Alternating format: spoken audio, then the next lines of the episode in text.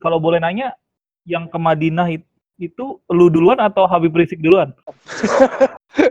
Habib Rizik duluan. Oh, baru Anda nyusul. Coba bayangin waktu kita kuliah fisika atau kuliah matematika atau apalah. Atau yang kita cari di YouTube coba. Penjelasannya tuh kayak masih kulitnya aja gitu loh. Beda suasananya kan pas kita masuk ke kuliah kita tahu ilmunya lebih dalam. Ya menurut saya misalnya belajar di YouTube, ya mungkin kita dapat dapat ya dapat ilmu pengetahuan tapi tidak sedalam kalau kita belajar langsung.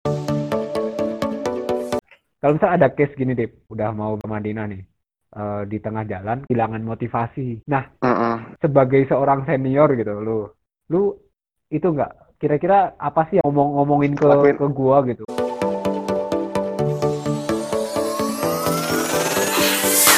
Datang di podcast 21. Ini masih bersama gua nih Fazar dan Glenn, Rifan.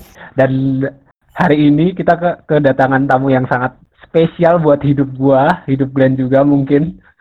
Kenapa hidup gua? Apa urusan? Oh enggak ya? Pokoknya ini orang berjasa banget lah buat hidup gua lah. Eh, tapi dia juga salah satu orang yang ada di Instagram gua. Jadi teman-teman gua tuh dikit yang masuk Instagram gua, fotonya gitu ya. Dan tapi dia salah satu yang masuk Instagram gua. Oke. Jadi berarti juga lah ya pokoknya. Ya berarti lah lumayan. Nah, tapi eh, dia sekarang sedang tidak ada di Indonesia. Lagi di mana, Dip? Lagi di luar negeri. Namanya dulu dong. Jadi sekarang kita Di- kan- Dipta lagi ada di Tanah Suci. Dia Tanah Suci Arab Dia- Saudi ya. dia kan kita belum tahu. Dia kan belum tahu namanya. Kok udah langsung? Oh iya betul. Gimana? gue belum belum gue kenalin tadi ya. Kenalin. Oh ya, jadi di eh, Dipta salah satu teman kuliah kita dan sekarang lagi eh lagi ah apa yang lagi dia lakukan tuh ah, yang bakal kita bahas sekarang nih. Oh iya. Berarti hidupnya seseru itu ya sampai kita bisa bahas ya.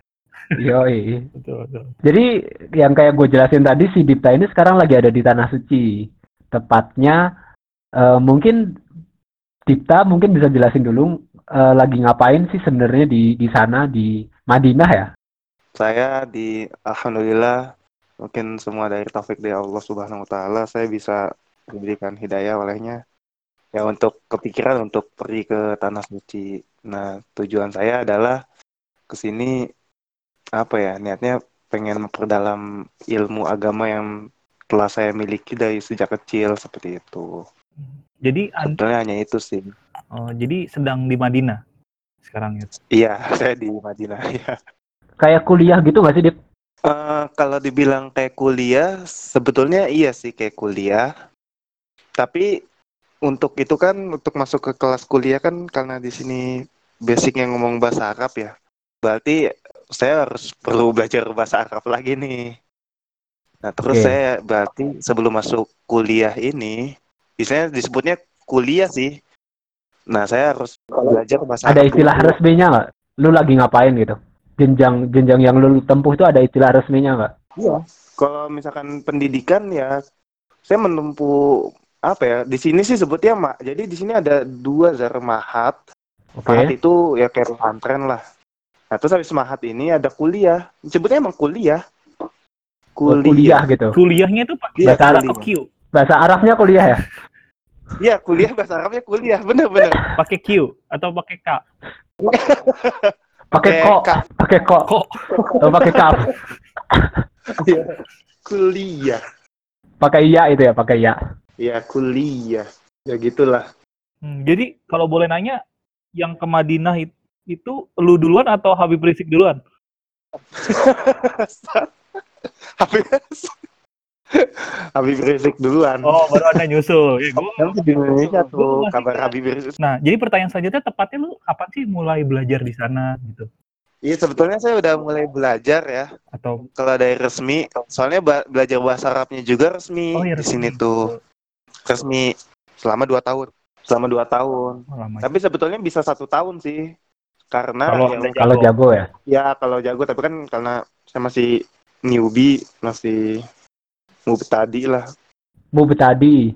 Ya beginner itu bahasa Arabnya beginner.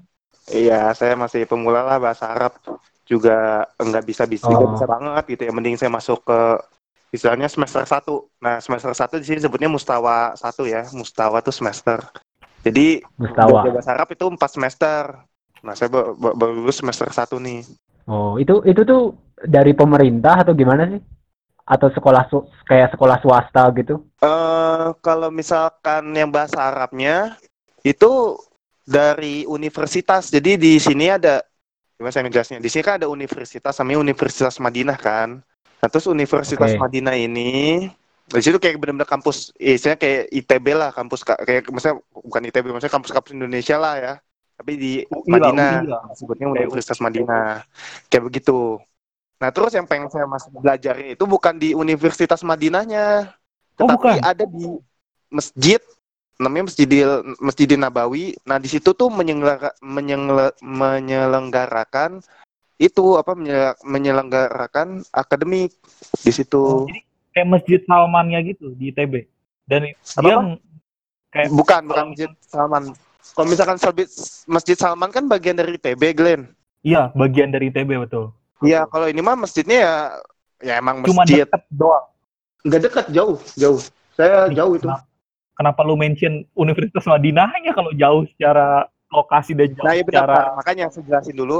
Nah, di, Oh, iya, betul, di betul. masjid di masjid ini yang di Masjid Nabawi ini yang menyelenggarakan akademik yang saya bilang ada mahat sama kuliah itu tuh nggak ada program mempelajari bahasa Arab di situ. Oh, jadi program bahasanya tuh dari dari universitas. Iya betul.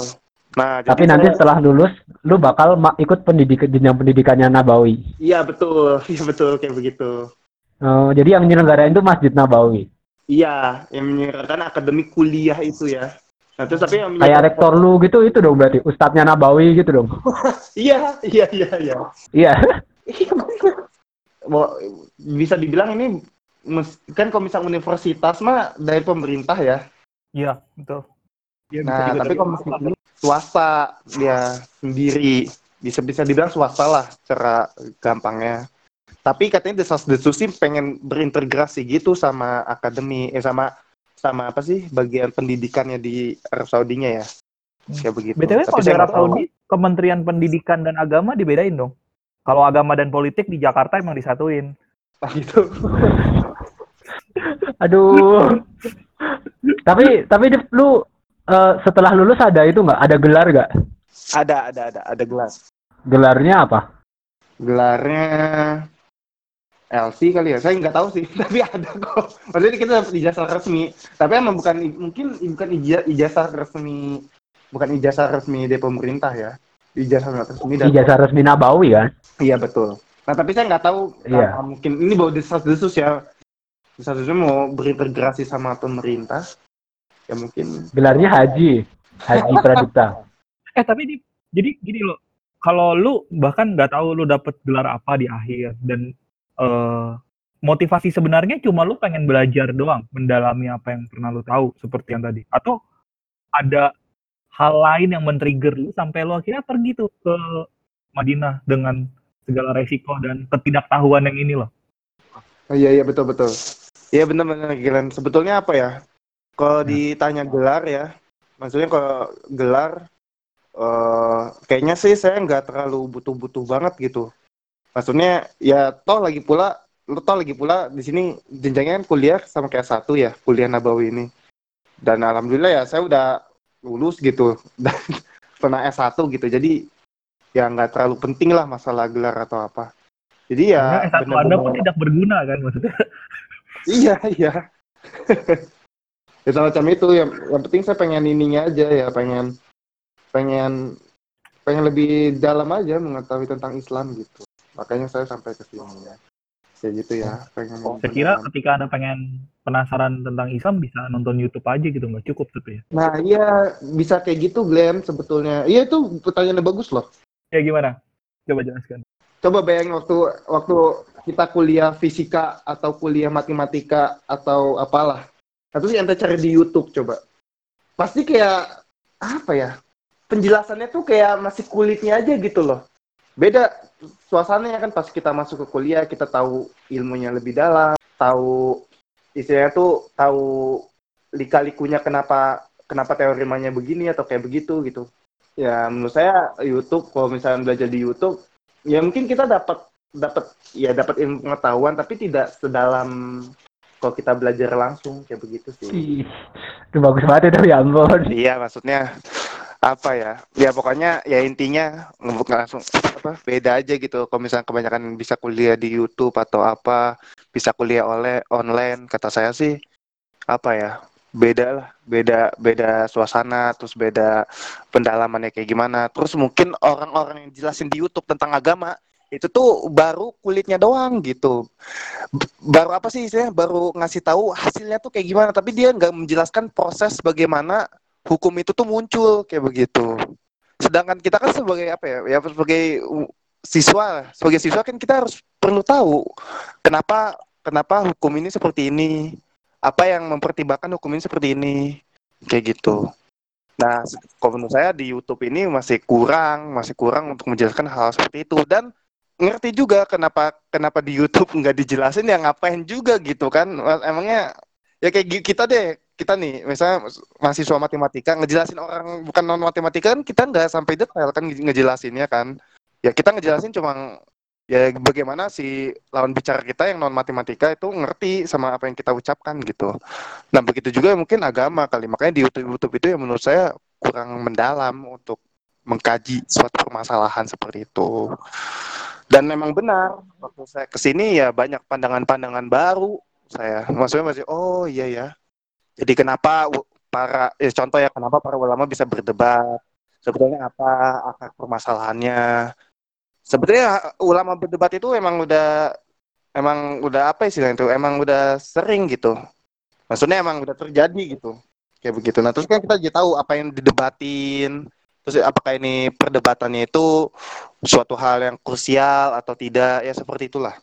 Jadi kalau gue bisa simpulin dikit dari yang panjang lebar tadi bahwa bedanya belajar di kuliah secara formal dan YouTube atau media-media lain adalah tingkat kedalaman belajarnya itu sendiri kan.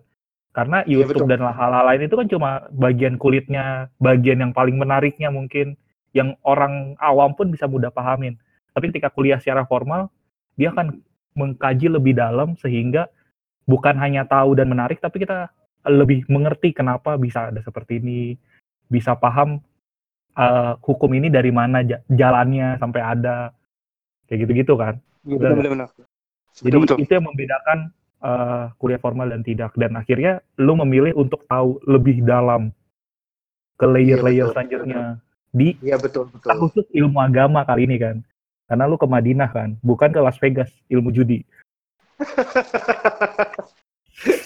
Lucu Iya, dong Zar, lucu dong Zar. Kalau ada tidak tertawa Zar. Oke tahu. Jadi tadi kan eh, Glenn nanya, terus lu jawab kayak yang lu nggak ngejar gelar, nggak lebih ke ilmu gitu. Tapi kalau buat ke depan jauh ke depan, lu eh, re- re- ada rencana nggak sih kayak, wah pengen balik ke Indonesia, pengen ngajar di pesantren yang lu punya gitu, atau atau pengen tetap di situ terus aja gitu, atau apalah nggak tahu rencana rencana ke depan, kepikiran nggak sekarang? Ketika apa sih Oh, harapan lu ketika lu tahu lebih Iya dalam? betul betul. Kenapa? Maksudnya Atau- proyeksi lima Ya paling gampang tahun. paling gampang setelah setelah Iya, iya, lulus benar. lah. Setelah lulus Iya. kira-kira udah ada pandangan belum? Eh, gimana ya semakin ke sini tuh semakin ke sini tuh saya jadi agak hati-hati juga dengan hati saya ya Zar karena apa ya di Islam itu kan mm, bertindak itu maksudnya kita melakukan suatu amalan itu harus istilahnya harus ikhlas harus harus, harus benar-benar karena ya karena Duh, saya jadi bahasa gini ya itu- kita harus melakukan hal yang benar-benar ikhlas yaitu semata-mata melakukan sesuatu tuh karena Allah gitu. Nah terus kalau misalkan saya ke depannya bermuluk-muluk untuk eh, misalkan untuk mengajar atau mencerdaskan mencerdaskan apa mencerdaskan orang-orang Bukan bangsa. ITB banget deh. ya menurut saya ya itu suatu hal yang bagus tapi kayaknya Eh, saya belum belum untuk belum terlalu memper- tidak mau memperdalami apa misi apa sih apa tindakan saya untuk hal itu gitu. Jadi untuk saat ini saya cuma istilahnya tuh belajar mengangkat kebodohan saya gitu, mengangkat kebodohan saya. Tapi emang ada ke depannya sih kepikiran, tapi baru kepikiran mungkin saya mungkin eh, jadi penulis aja kali ya gitu. Itu barusan banget kepikirannya. Apa? Barusan banget kepikirannya kan. barusan banget kan 5 menit yang lalu. Enggak, Pikirannya enggak, barusan banget. Enggak, enggak, enggak. Tapi Enggak, saya tapi namanya juga manusia ya. Maksudnya kan tidak tidak. Tidak dipungkirin pasti dia punya visi misi ke depan kan. Ya, tapi, tapi Iya. saya nggak mau terlalu nggak mau terlalu memperdalami hal itu gitu. Tapi ya kalau misalnya ditanya ada kayak begitu ya mungkin saya habis selesai dari sini ya jadi ya nulis aja nulis sama itu ngajar di pesantren saya udah kayak gitu. Pengen gitu ya punya buku ya. eh iya sih, tapi iya iya iya, pengen punya buku. Tapi ya itu, apa ya semakin apa ya semakin Buku agama dong. iya ya yang membahas yang iya benar tentang Tapi- agama. kayak kan banyak juga ya novel-novel misalnya lu ceritain novel tapi banyak Iya. unsur-unsur agama Ya mungkin yang bisa sih, akhirnya diserap lebih mudah gitu sama Iya. pembaca atau kalau jadi film jadi jadi Iya iya iya benar. Ya mungkin kayak begitu ya. tapi ya fokusnya itu bagaimana ilmu yang udah lu pelajarin di sana bisa bisa akhirnya orang lain tahu juga dari karya lu gitu kan ya, tapi intinya ya lu itu, pengen nah itu itu intinya lu pengen nambahin ilmu dulu lah entah menjadi apa outputnya karyanya seperti apa nanti lah gitu kan tapi lu betul pengen sekali. mengangkat kebodohan tadi kalau kata Iya lu benar-benar tadi. itu yang paling utama ya, yang paling utama. Dan apa ya, maksudnya kadang-kadang tuh manusia tuh apa ya, ya padahal kan tuh niat yang baik ya kebodohannya, tapi kadang-kadang tuh hmm, saya sebel sih punya perasaan kayak gini ya. Kadang-kadang pengen dipuji lah atau apalah. Itu hal-hal yang menurut saya nggak baik gitu. Tapi kadang-kadang hal manusiawi ya, maksudnya ya maksudnya pengen dipuji itu dalam case seperti apa contohnya ya ya contoh misalnya "Wih, si si Dita masya, masya Allah ya bukan maksudnya pinter ya atau apa maksudnya itu itu, itu ya. Oh ya kayak ya kayak gitulah maksudnya ilmu agamanya dalam ya atau apa gitu. Ya kan mungkin ya ada ya pikiran kita tapi kan itu kalau misalkan di ya menurut di agama di agama Islam itu hal kayak gitu tidak boleh maksudnya ingin kita Hmm. belajar agama karena se- sekedar eh, bukan jangan sekedar karena ingin dipuji itu tuh jadi ya hangus maksudnya lu jadi lu belajar agama ya sebenarnya buat buat orang lain tuh nguji diri lu gitu. Tujuannya Oh, iya, itu ya. tapi kalau misalnya Jadi- tujuannya tujuannya beda tujuannya udah benar tapi itu pujian suatu hal yang emang nggak bisa dihindari kan itu mah nggak apa-apa. Tapi kalau Iya. misalnya tujuannya contoh contoh nih ya paling gampang belajar itu belajar baca Al-Quran. Nah terus pengen suara kita dipuji gitu nanti pulang-pulang di Indonesia gitu. Ih suaranya bagus ya atau apa ya nah terus saya emang tujuannya pengen kayak begitu di mendapatkan pengakuan dari orang lain. Itu nggak apa sih nggak baik sih niatnya seperti itu. Ya tapi kalau lu sendiri kalau dari Dita sendiri pasti lu pernah ada pengen dipuji sesuatu kan yang sedang Iya. lu tekan-tekan sekarang? Lu Iya. pengen dipuji dari apa? Kepintaran terhadap agama kah atau pemahaman yang baik Hmm. misalnya yang sedang lu jaga ini apa pemaham apa gitu yang lu nggak mau Iya ya, bukan maksudnya aneh loh. Iya. lu lu pasti ada dong kalau misalnya diceritain Iya, sih ketika- lucu juga gitu. Maksudnya apa Iya. ya? Kita tuh kadang-kadang kepedean gitu. Aduh, saya dipuji. Iya, apa? gini. Ya misalnya contoh apa? contoh Hafiz, sore Hafiz gitu. Nah, saya Hafiz Quran Siapa? gitu. Kan masih banyak, oh Hafiz Hafiz Mungkin Quran bisa di- gitu. Apa lu dia Dip, Hafiz dip, gitu. dip. Mungkin bisa dijelasin. Hafif apa Ya Hafiz eh, itu apa namanya? Hafal. Hafal Al-Quran. Hafal Oh. satu Al-Quran. oh Iya. jadi eh sa- artinya yang lu nggak mau dipuji ini artinya sebuah kebanggaan lu juga Eh, lu sendiri hafal Quran gitu ya kalau Iya. boleh tahu berapa juz Ini kan enggak, saya belum belum belum hafal Quran, tapi lagi berusaha menghafal Quran. Nah, terus pengennya sih Iya, kalau pengen bisa ini, pengen bisa hatam gitu, pengen bisa hatam, pengen bisa semuanya oh hafal. iya betul Nah, di saat dapat dapat capaian itu kan, pasti kan orang memuji gitu. iya dan itu sebaiknya jangan itu fokus utamanya Iya, ketika betul. menghafal gitu. Nah, iya betul sekali. Sebetulnya Tapi menghafal kan dengan alat ya dengan alasan tidak mau dipuji makanya eh, Fajar jarang sholat dan jarang baca Al-Quran biar dia nggak dipuji. itu itu itu bagus banget. Ah, gua nggak mau dipuji ah, jadi gue jarang sholat aja Glenn. Gue nggak mau sosokan. gitu. Enggak enggak itu itu justru Untung bisa dia untung ini nggak live. Bi- ya bisa Allah. lolos gak sih ini bisa lolos? Nggak tahu, justru justru kalau misalkan nah itu justru kalau misalkan kita menghindar karena orang lain itu merupakan itu merupakan istilahnya pengen dipuji juga bukan maksudnya pengen di itu berarti ibadah kita pengen dilihat orang kan bukan ibadah kita karena orang Iya kan betul. iya kan Iya betul. Jadi kan Eh, ibadah kita ter- ketergantungan sama reaksi orang lain kan, Iya, dan itu nggak boleh. iya iya Ibadah kita hubungan kita dengan Tuhan itu iya iya iya yang sedang pelajari juga di momen kali ini.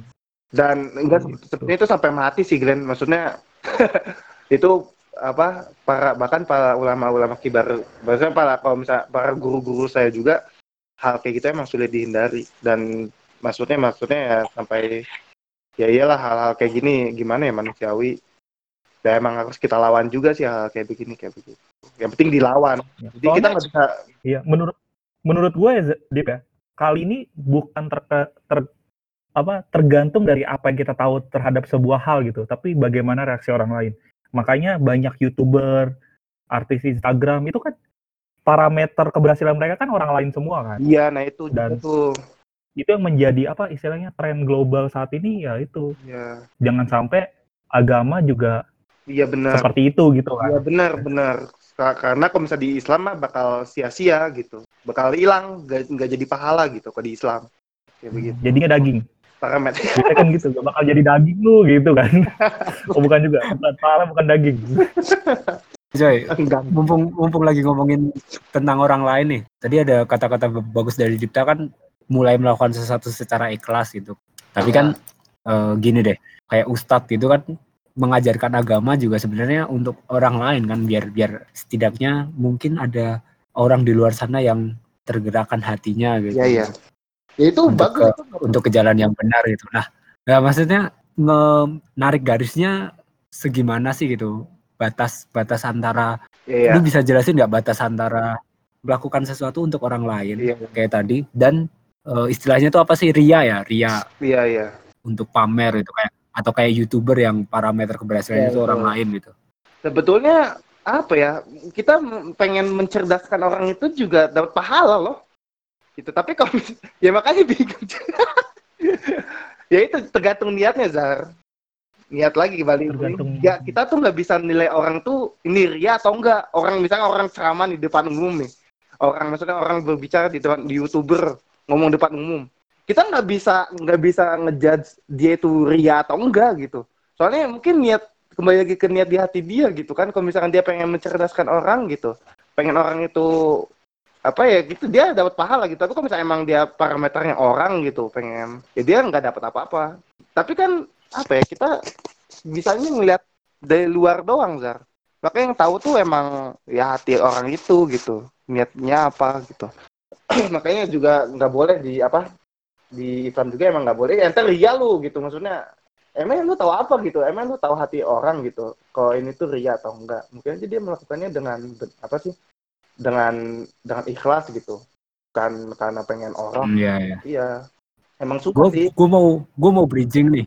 Kalau Hmm. seorang Pradipta apa, apa yang apa yang lu lakukan sekarang tuh ada nggak sih persenan untuk orang lainnya gitu?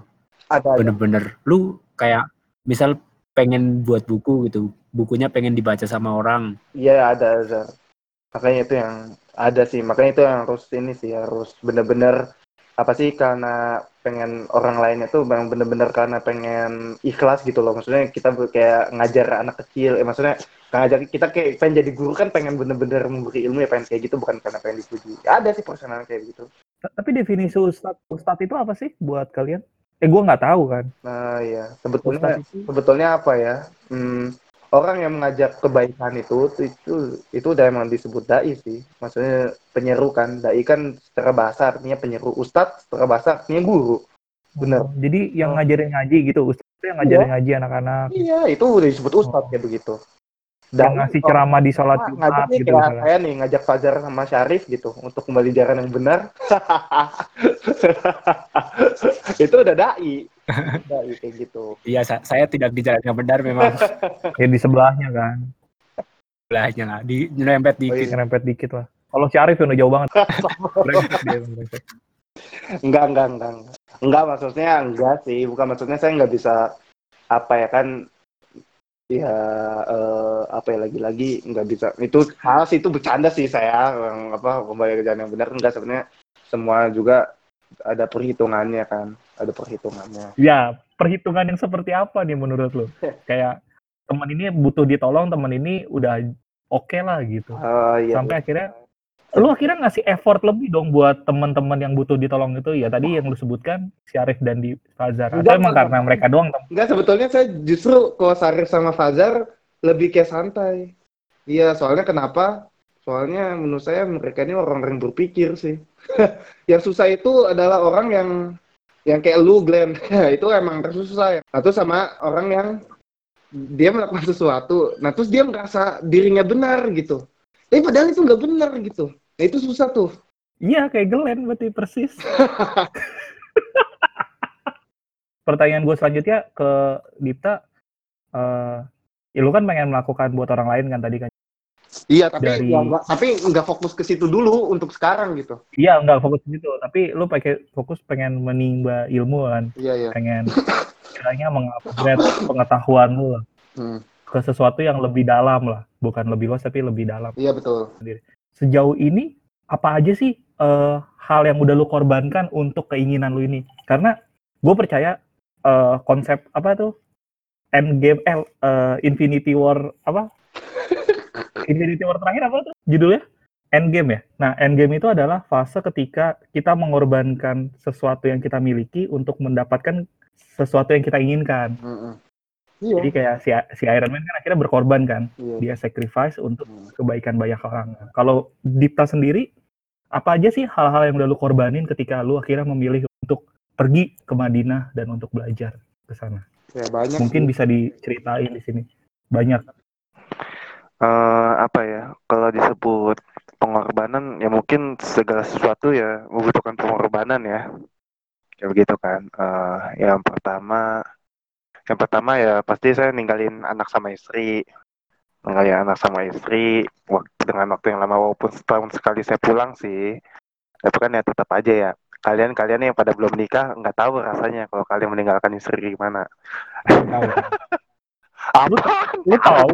Gak tahu. Ta- Taunya rasanya ditinggalkan kalau Glenn. Eh, Jangan kan ditinggalkan. Di chat aja lama bales ya anjing. Meninggalkan gitu gak Berarti ente, berarti ente bukan prioritas, udah. Akui aja. Ya, saya mengakui. Enggak kan. Ya, terus yang pertama anak dan istri kan. Nah, terus biaya, biaya juga hmm, karena saya ini bukan itu ya, bukan sekolah di universitasnya gitu. Kalau ente sekolah di universitas universitasnya udah dibiayain gitu biaya hidup ente gitu. Sedangkan saya enggak gitu. Nah, terus biaya, nah terus juga waktu apa ya? Kalau misalkan hmm, nggak tahu kenapa ya saya kuliah di ITB tuh kayak kenapa nyantai gitu. Kok di sini tuh kayak nggak bisa nyantai gitu. Mungkin karena memikirkan memikirkan apa? Memikirkan pengorbanan-pengorbanan jadinya kayak aduh, masa saya apa males-malesan gitu di sini atau apa gitu. Walaupun tidak dipungkiri sih kadang-kadang juga ya rasa males juga muncul gitu. Tapi lebih tidak tidak kayak merasa dosa banget. Enggak waktu itu saya di ITB enggak apa waktu di kampus tuh kayaknya biasa aja kalau males tuh ya sudah gitu. Kok di sini kayak apa gitu? Harus segera harus segera bangkit lagi. Isi yang paling besarnya ya meninggali istri sama anak terus biaya nah terus sama hmm, udah sih itu aja yang paling yang paling utama ya Jadi kalau gue simpulin ada tiga hal lah minimal yang pertama kan relasi lu sama keluarga lu yang akhirnya lu jauh kan. Kedua biaya yang cukup mahal. iya Yang ketiga ya, waktu Iya. lu yang harusnya bisa di Indonesia tapi akhirnya waktu itu lu korbankan lagi gitu kan untuk kuliah kan. Iya. Bener kan? Maksudnya gue Iya, kuliah benar. di mana pun gue harus ngorbanin waktu kan. Kali Iya, ini betul ngorbanin waktu bahkan jauh ke ke Madinah. Tapi kalau Iya. gue mau nanya dari pengorbanan yang begitu besar, mungkin pengorbanan ini lebih besar dibanding ketika lu kuliah di Bandung. Kan kuliah di Bandung kan Iya. ya emang udah begitu gitu. Tapi kali ini kan lu bener-bener berkorban. Iya, Apakah iya. apakah pengorbanan ini terbayarkan gitu dengan keinginan lu? Nah, nah ya ini dia yang mungkin saya takutin ya. Ya itu apa yang saya takutin kalau takutnya apa yang udah dikorbanin tidak tidak sesuai ya dengan tidak sesuai dengan apa yang saya capai. Tapi saya selalu mengingatkan mengingatkan diri sendiri sih. Toh lagi pula tidak ada yang sia-sia kalau misalkan kita benar-benar ingin berusaha dengan sungguh-sungguh kayak begitu. Jadi ya saya lakuin saja. Tapi yang dengan catatan yang terbaik ya. Walaupun gimana pun sih Glenn mau eh, apa ya ya pasti kalian juga pernah merasakan lah kalau kalau misalkan habis melakukan sesuatu gitu di masa tertentu pasti aduh kenapa saya nggak kayak gini ya? Kenapa nggak saya kayak gini? Ya pasti setiap manusia juga pasti ada sih. Apalagi menurut saya Glenn mungkin lebih tahu hal-hal kayak begini ya. Maksudnya penyesalan hidup atau apa. Ya. Lu nggak nyebutin pengorbanan impian gitu, pengorbanan eh, apa ya keinginan gitu, cita-cita gitu. Emang nggak ada ya, nggak ada yang lu korbanin ya. Emang emang Oh, pengen iya aja sih. gitu ke Madinah. iya belajar benar benar benar benar benar kayak kayak apa sih istilahnya tuh kayak mau banting setir ya Iya. Oh itu itu itu salah satu hal yang dikorbankan juga tapi nggak nggak itu ya, nggak banyak ya. eh gimana ya Zar ya eh apa ya kalau misalkan mengorbankan impian hmm, ada sih tapi saya selalu mikirnya kayak begini Zar kayak ya Allah gitu ya menciptakan saya. Udah melakukan saya udah melakukan banyak hal. Kayaknya nggak ada yang sia-sia sih. Walaupun mungkin apa ya secara sepintas aduh kayak sia-sia banget. Kayak aduh ngapain ya dulu saya melakukan ini ya? Kalau misalnya ujung-ujungnya kayak begini atau apa gitu. Tapi kayaknya hmm, kalau misalnya kita mencoba memikir lebih dalam lagi kayaknya enggak sih. Kayak gitu. Pasti se- se- sesuatu itu ada hikmahnya. Ya entah itu untuk pembelajaran hidup atau Sebenarnya, tapi gue gue seneng sih lu nggak nyebutin itu tadi sih.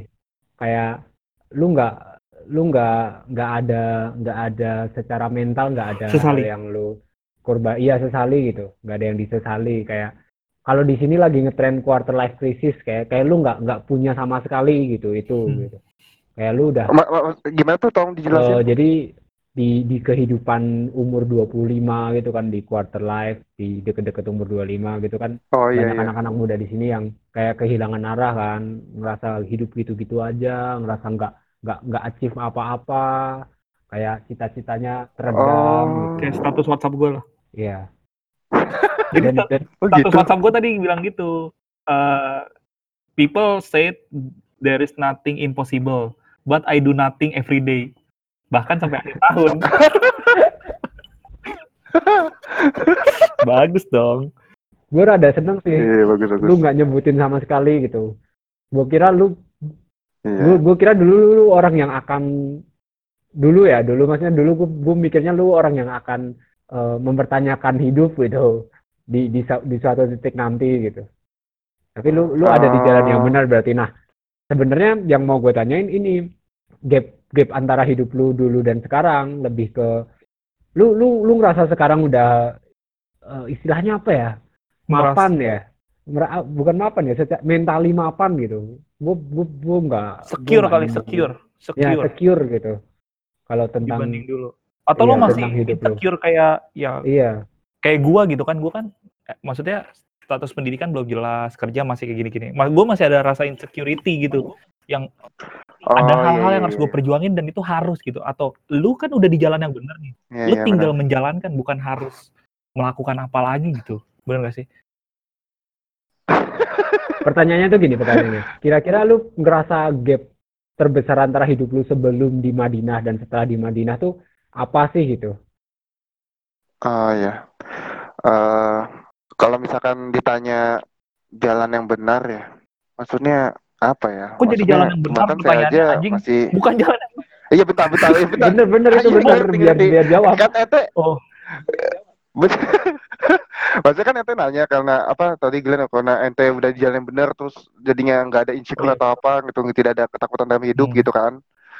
Eh menurut saya justru ya saya aja masih mencari gitu maksudnya masih masih belajar makanya saya belajar gitu maksudnya men- mencari mencari apa itu kebenaran gitu kan jadi tapi dengan justru tapi ya mungkin karena saya nggak insecure ya mungkin karena ada rasa kepercayaan.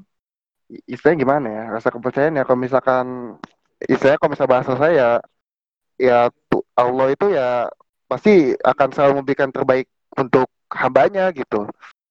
Toh lagi pula kalau misalkan apa ya kayak udah eh, accepting eh, accepting life gitu loh mungkin berusaha mengaccept apa sih menerima kehidupan gitu jadi ya mungkin sebetulnya mau kita kehidupan apa pun atau merasa Khawatir. Artis- khawatir, apa sih tidak khawatir. ya ya menurut saya itu ke masalah ke diri sendiri padahal apa yang perlu dikhawatirin gitu kalau misalnya kita udah tahu itu ya tujuan hidup kita itu apa gitu apa sih yang kita khawatirin Iya. gitu Jadi kalau gue simpulin pemahaman lu yang bertambah akan agama juga akhirnya mem- menambah pemahaman lu akan hidup lu juga gitu. Dan akhirnya pemahaman Iya, ini dan- seiring dan membuat lu lebih yakin gitu ya. Jangan lu yang iya benar jadi kayak ya dulu. mungkin karena ya benar Gilen ya mungkin karena apa ya ya alhamdulillah ya eh, saya diberi kesempatan ya untuk memperdalam agama dan itu mempengaruhi kehidupan kita juga gitu ya itu nah tuh iya sih makanya ada benernya juga gitu kalau misalkan ini jadi, jadi, jadi bahasa yang lain ya ya benar juga kalau misalnya ada gangguan mental gitu atau apa atau itu karena kurang agama ya menurut saya itu ada benernya gitu ada emang ada ya emang ada bener tapi saya nggak Iya. tahu ya maksudnya dengan lebih jadi lebih tenang gitulah main hati atau segala macam dan jadi bisa accept, ac- apa sih tadi accepting Accepting life life. ya menerima Ya, kehidupan Jadi harusnya lu udah Iya, Joker belum? life. Udah eh, enggak sih saya cerita doang dengan Ya, cerita jadi teman-teman harusnya Joker itu nggak dibawa ke psikolog, bawanya ngajak sholat ke masjid, sembuh dia. kata siapa itu Enggak, hasil obrolan ada ini, gitu hasil obrolan ini menyimpulkan seperti itu. Harusnya Joker itu jangan dimasukin ke Ah. psikolog, ajak gereja dia. Kenal Tuhannya, lebih Iya. tenang mungkin hidupnya. Kom, kom menurut saya sih Tapi lagi di- bentar bentar. Saya jadi pengen ngomong lagi. Mungkin orang-orang yang merasa insecure atau merasa khawatir itu mungkin karena dia membanding-bandingkan dengan kehidupan orang lain sih menurut saya kayak begitu. Dan itu bukan apa ya dan dia tidak bisa apa sih membanding-bandingkan dan dia salah menyerap gitu. Bukan menjadi semangat malah jadi ngedown gitu. Apa sih istilah itu melihat seorang yang melakukan kebaikan atau lebih sukses seharusnya menjadi pemicu untuk kita kan. Itu yang benar dan mungkin orang malah jadinya aduh Oh, iya, saya kok kayak gini kayak gini kayak gini, gini persepsi sih menurut saya Jadi kayak kita begitu. melihat teman kita misalnya gajinya belasan juta, tuh harusnya iya bukannya semangat malah ih si anjing ini udah banyak duitnya. Jadi jadi hal-hal negatif Iya, iya, iya. gitu. Atau misalnya ada Iya, orang yang udah Padahal- nikah, Ka- kayak padahal- misalnya si ini pengen nikah kan, udah dapat undangannya kan. Iya betul Dia nikah nih, gua kapan nih dapat pacar? Ah, gitu-gitu kan. Ah, coli aja kan iya iya iya jadi buruk efeknya. iya padahal kan kehidupan suatu Iya, perjalanan dan kan setiap orang punya timeline Perjalanan kita masing-masing sendiri. ya. Nggak ada jalur Iya. perlombaan yang sama, tapi berlarinya Iya. ke track masing-masing.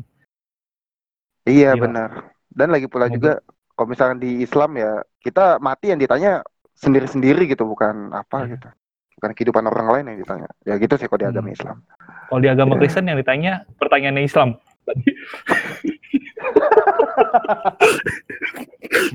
dari tadi kan lu bahas tentang eh, apa lu belajar agama terus kayak apa yang lu tahu tuh ngerubah hidup lu tapi kalau Madinah Madinahnya sendiri ada nggak sih berpengaruh sama sama lu gitu berpindah hijrah lu ke Madinah sendiri ah iya iya ini ini eh ini pertanyaan yang bagus ya nggak nggak usah nggak usah Pertanyaan bagus Gak usah dipuji. nggak usah diklasifikasi Iya. pertanyaan bagus atau enggak gitu nggak usah diklasifikasi nggak apa-apa jawab aja Iya, gitu. Iya betul. Eh, pertama, saya nggak tahu ya pandangan kalian ya. Kayaknya saya nggak apa sih istilahnya tuh kayak wah banget. Padahal mah banyak orang yang kayak saya gitu. Ya, saya cuma menjelaskan aja kalau misalkan orang kayak saya tuh banyak banget. Jadi bukan suatu yang wah lah istilahnya.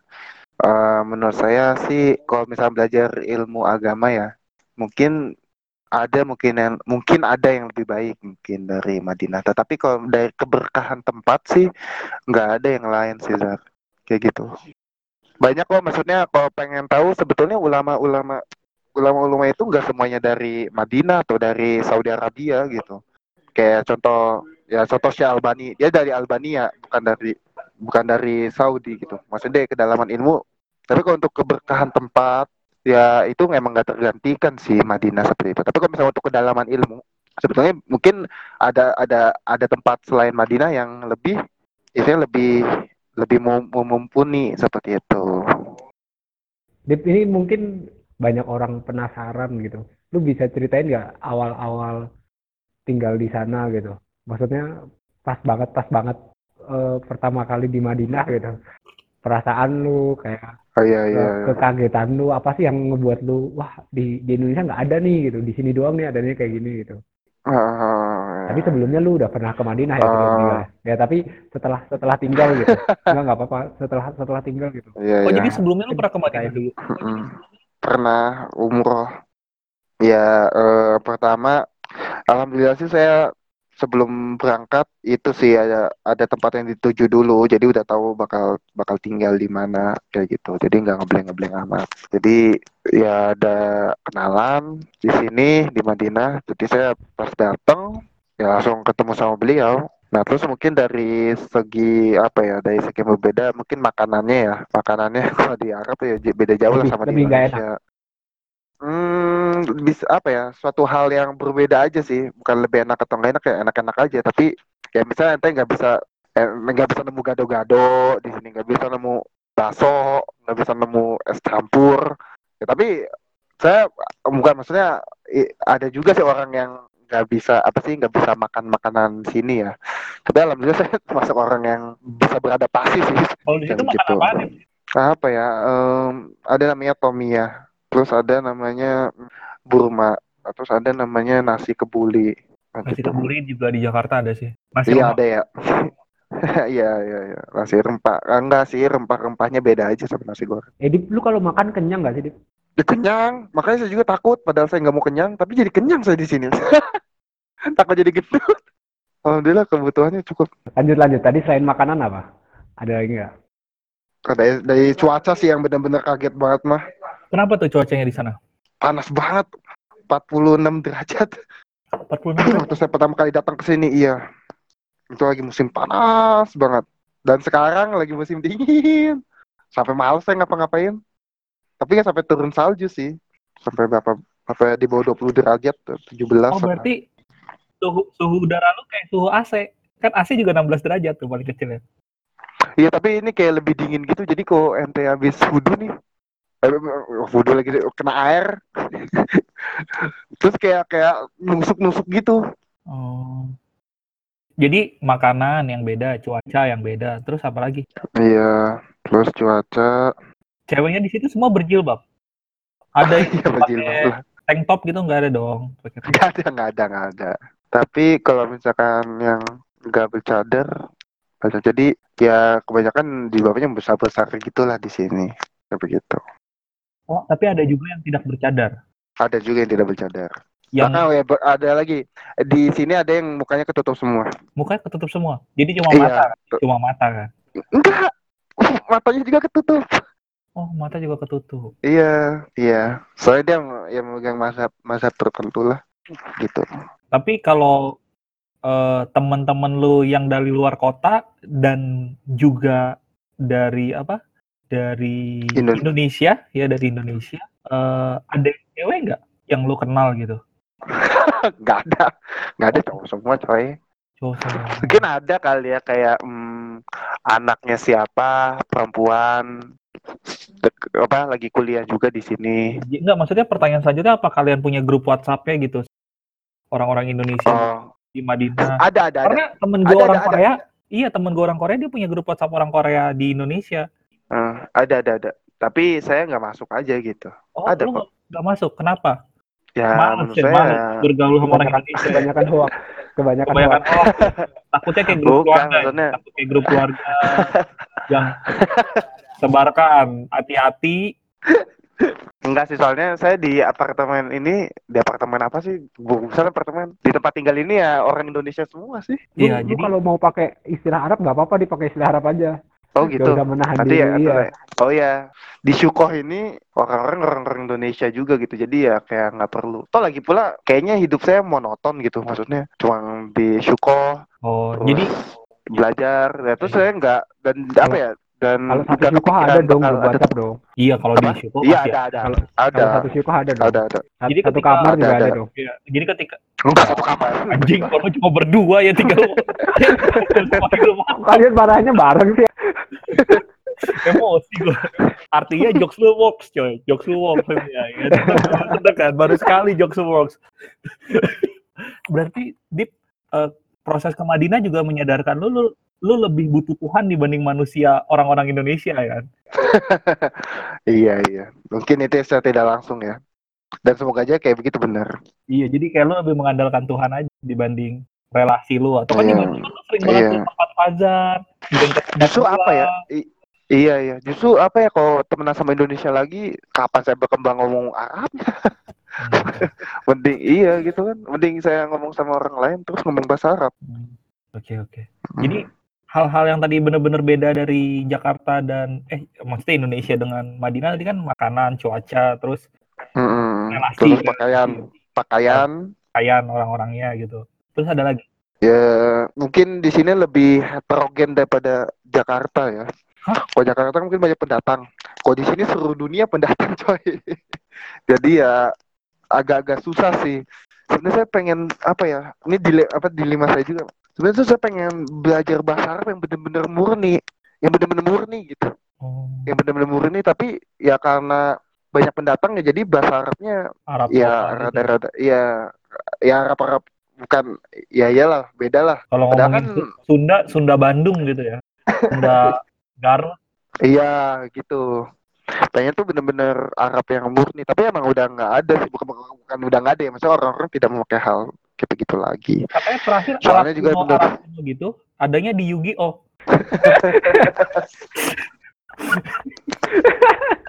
Itu lucu itu. Enggak. Enggak, tapi bener kata kata teman saya di sini emang Arab orang-orang tuh ngomong Arab asli yang benar-benar asli itu sekitar berapa hijriah gitu. Sekarang udah 1400 kan. Iya, jadi mungkin kalau misalkan mm, pengen belajar bahasa Arab ya emang harus belajar belajar asli, bukan maksudnya belajar di lembaga resmi gitu, lembaga tertentu. Jadi nggak bisa ente belajar bahasa Arab ngomong sama pedagang atau apa ya biasa itu ngomong bahasa Arab sih tapi bahasa Arabnya bukan bahasa Arab yang kita inginkan kayak gitu nggak bisa kalau misalkan mungkin di Jepang atau di Inggris kan ente sering-sering bergaul sama orang jadi jago gitu kan bahasa Inggrisnya atau apa Iya. gitu Nah, gitu. Heeh. Sama Nah, seks bebas. sini- Kalau di Jepang dan Inggris itu seks bebas. Jadi kalau kita bergaul itu seks bebas, minum-minum seks bebas. iya dong, nggak bisa dipungkiri dong di sana. iya iya benar kebudayaan itu bisa merubah Iya, seseorang budaya kan, Iya. budaya. Hmm. Kalau ngomongin ya gitu di Jepang dan di sana banyak budaya yang seperti itu, kalau di Madinah sendiri budaya yang benar-benar lu banget itu Madinah Iya. banget itu apa? Eh, apa ya aduh kayaknya saya tahu belum merasakan sih Ya belum. Iya belum mer- apa sayanya nggak sadar mungkin sayanya nggak sadar oh iya nah terus mungkin ini juga mungkin yang saya bilang itu banyak pendatang jadi saya belum bisa benar-benar Oh, iya. mengidentifikasi Oh iya. Kalau masjid Masjid Nabawi sendiri banyak turis nggak sih? oh enggak enggak eh turis maksudnya turis Iya maksudnya turis? Ya, banyak iya orang- turis atau orang yang cuma mampir sekali dan pergi gitu. Orang yang mampir terus foto-foto gitu, banyak orang foto-foto di situ masih. ah iya maksudnya nah ini juga ya dilema ya banyak sih yang foto-foto hmm sayang aja gitu ya dipakai foto-foto gitu masjid Kenapa? Bukannya iya akhirnya sih ya em, jatuhnya marketing kan? Akhirnya orang makin tahu iya iya makin iya. tahu masjid akhirnya mau Iya sholat sih itu bagus ya kok jadi bagus Iya. anjing baru gua counter gitu langsung iya lu bukan harusnya lu, iya. lu ini dong lu biar diskusi counter lagi dong. iya biar hidup Iya kan? Iya bukan ini bagus. Tapi, kan Tapi- nggak tepat gitu. Nah Oh. ya ada tapinya. Nggak tepat. Ya menurut saya sih kayak nggak tepat. Eh, tadi kan gue nanyain tentang pengorbanan lu, apakah worth it atau enggak. Terus gue pengen nanya Hmm. ini sih, kalau dari lu sendiri gitu, ya setiap orang punya keinginan yang berbeda-beda kan. Lu menyarankan betul. nggak sih buat orang-orang yang pengen belajar agama gitu. Ya lu tahu kan pengorbanannya sebesar itu gitu. Lu nyaranin gak sih ke orang-orang teman-teman lu untuk ngajak gitu? Kayak kan kayak momen ke ITB nih, gue ibaratnya Iya, iya, gua betul. masuk ITB nih, gue pasti kan nawarin ke teman-teman gue masuk ITB karena Iya ITB betul. karena gue akan Hmm. dapetin apa yang gue inginkan dari ITB gitu. Kalau lu sendiri, Iya lu betul. punya kepikiran seperti itu nggak sih? Ketika ya lu tahu pengorbanan, lu tahu keinginan dan lu akhirnya Iya iya. ayo Zar, mending lu ke Madinah deh, gitu atau siapa pun lah, Hmm. siapa pun. Iya. Jangan Ya dong. Ya misalnya gitu. Maksudnya eh, menyarankan sih sebetulnya. Saya benar-benar excited ya terhadap orang-orang yang pengen memperdalam ilmu agama gitu. Terus kalimat Dan- yang mengajak lu seperti apa lah misalnya? Maksudnya biar pendengar kita, pendengar podcast ini bisa mungkin akhirnya berpikir lah, minimal mem- mempertimbangkan untuk pergi ke Madinah atau ya tadi kayak gue ibaratin ke ITB gitu kan. Gue pasti punya kalimat-kalimat promosi gitu kan. Kayak misalnya Soekarno pernah di sini, eh, Habibie pernah di sini, prostitusi banyak di sini, Hmm. pokoknya gitu-gitu lah di ITB. Kalau lu Apa ya? Oh iya. apa gitu Ya, kalimat ya. ajakannya yang bisa akhirnya mempertimbangkan gitu untuk ke Madinah? Gimana ya di saat mungkin kita nggak tahu ya di Indonesia mungkin bingung bingung untuk pengen belajar Islam di mana alangkah baiknya kita kembali ke sumbernya sih maksudnya ya saya memandang ya kota Mekah dan Madinah kan ya tempat Nabi Nabi Islam Nabi Muhammad SAW itu Nabi agama Islam. Ya yang di situ gitu. Dan alangkah baiknya kan kita eh, belajar Islam tuh dari yang murninya gitu. Sebenarnya gimana sih? Kayak gitu sih. Eh ya.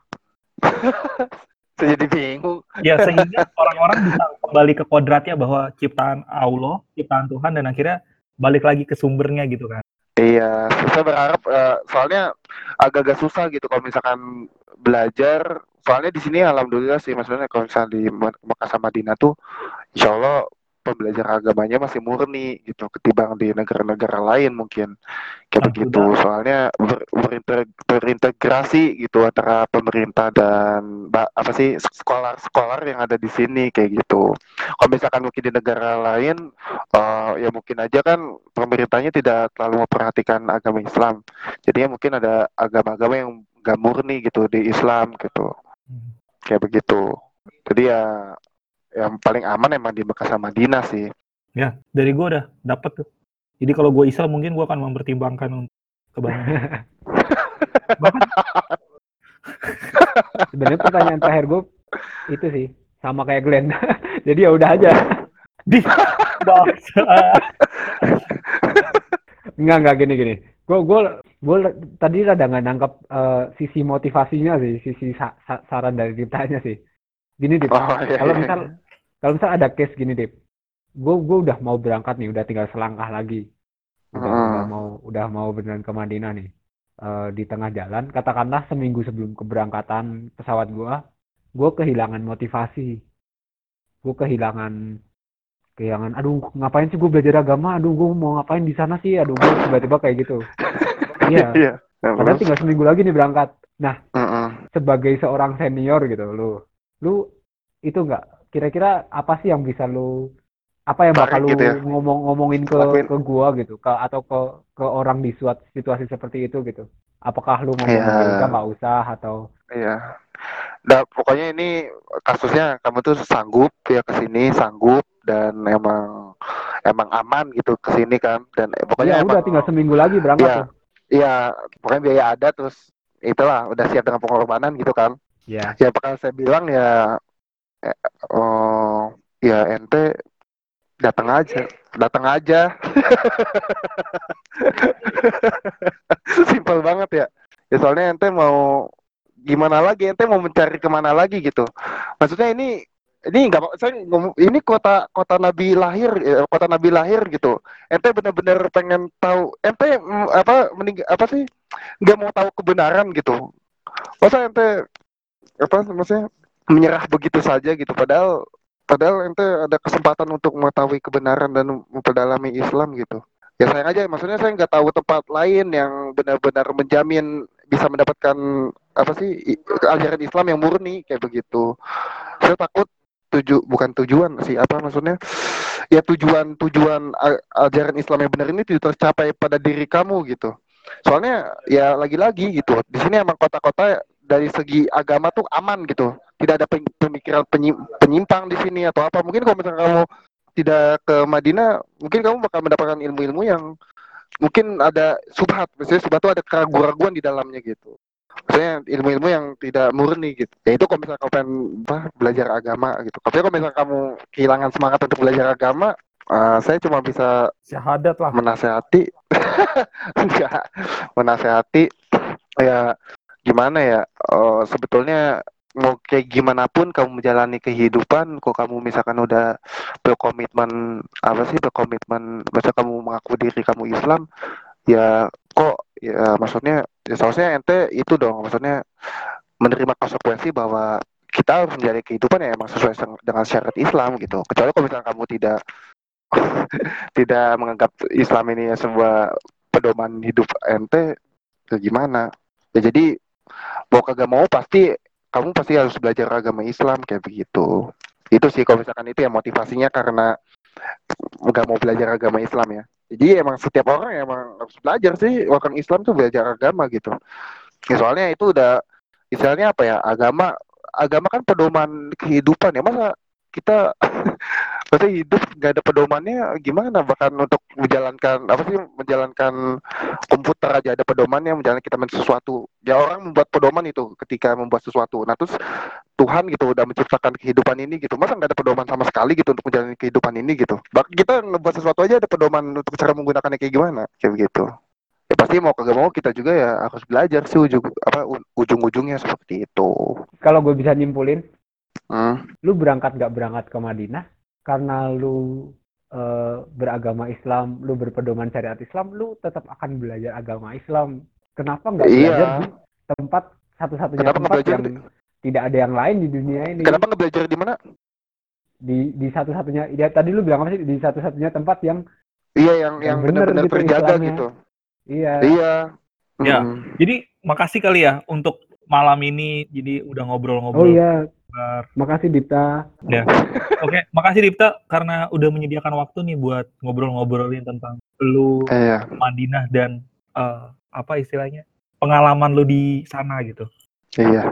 Tapi kalau misalnya lu dikasih kesempatan untuk kasih satu kalimat atau dua kalimat penutup, lu pengen ngomongin apa nih Zat? Buat eh Dip untuk eh, terkait obrolan kita malam hari ini. Gak usah kesimpulan juga nggak apa-apa, apa pun lah. Apa ya? Apa pun. Kalau saya sih eh teruslah teruslah ya mencari kebenaran, teruslah belajar, teruslah memik- memikirkan kehidupan. Dan insya Allah, eh, dan insya Allah ya kebenaran ya akan datang dengan sendirinya sih. Jangan merasa diri paling benar, teruslah belajar. Saya kebenarannya kayak gitu aja sih. Jadi ya kita hidup ini lagi-lagi ya kita suatu perjalanan dan kita pasti ada sebuah tujuan di kehidupan kita. Ya langkah baiknya kita cari tujuan yang sebenarnya itu apa di dunia ini seperti itu sih menurut saya.